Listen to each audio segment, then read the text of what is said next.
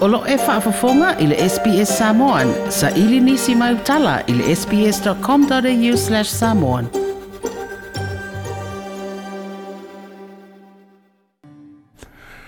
Ua whaali e nisi o whaala poto potonga o e ka le sia ma tāpua inga i le atunu u. O le tūlafona tau whaofi le malo tele pui pui aisa o lo tonga o tāpua inga. E ono a vea maa wala e whaalave lave ma whainga tā i ona whaatino nisi o alato au au nanga i tangata lau tele. Ia. Olo lo au tūra la tau whinaunga ele manatu o le sa olo tonga i tāpua inga e pe o nātangi e le tū la whanua le malo tele.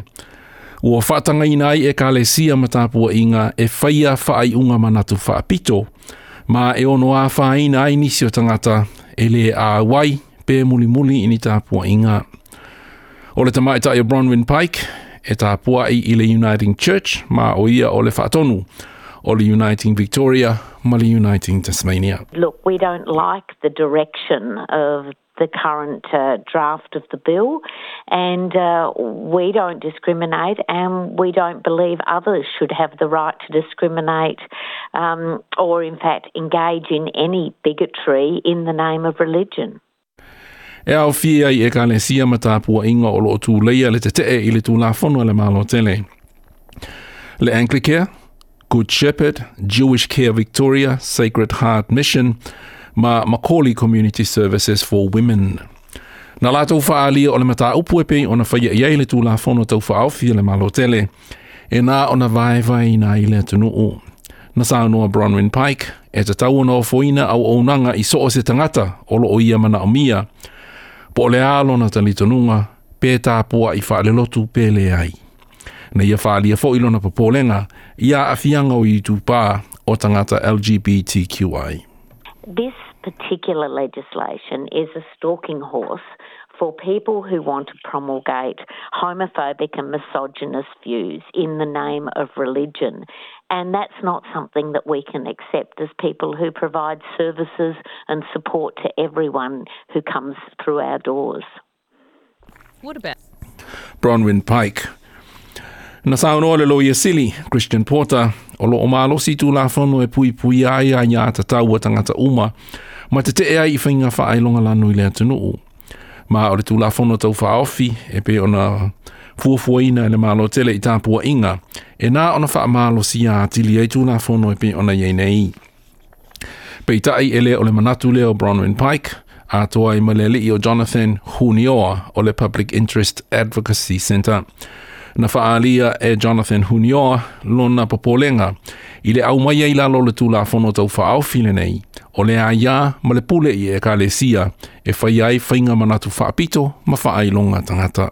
It's absolutely telling that we now have mainstream faith based religious organisations saying this is not the bill that they're looking for. these organisations are saying that this bill undermines the values that they represent, the values of compassion and respect and fellowship. And it reflects the fact that what we've got is a radical bill that's being driven um, from a, a, radical place and not a, and not a central and, um, and unifying place. Le Fatonu o le Public Interest Advocacy Centre, Jonathan Hunioa.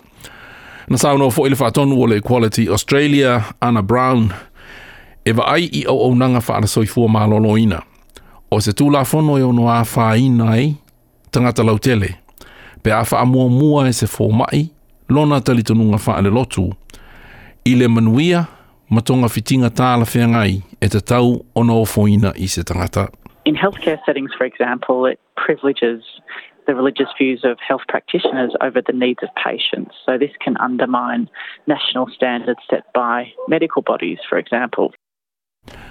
Anna Brown o le Equality Australia na saunoa i Liam Elphick o se ali i suasua i le Discrimination Law i le Universitea Western Australia na te lē langolongoina i le tulafono tau fa'aofi i lona tulaga o iai nei ona o loo folinga mai, o loo ave ai le whaatanganga i e kālesia ma tāpua inga, e filifili po o aie mawaina a lātou au au nanga, a o aie tā o fia.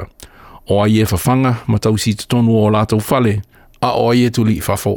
The bill goes much too far in um, allowing religious organisations, religious charities and other public benevolent institutions, even those just with a really sort of mere religious affiliation, um, to discriminate in the provision of goods and services. So you could see charities that provide uh, homeless shelters uh, or soup kitchens, for instance, say, well, you're not of the exact same religious faith as me, so we're not going to give you food today or we're not going to give you housing today. Le professor or Liam Elphick il discrimination law University of Western Australia O le reporterne fra Marburg Boina og Stephanie Corsetti le SBS News. Toi pia whaafafonga i nisi talawhapea. Whaafafonga i le Apple Podcast, le Google Podcast, Spotify, ma po o whea lawa e podcast.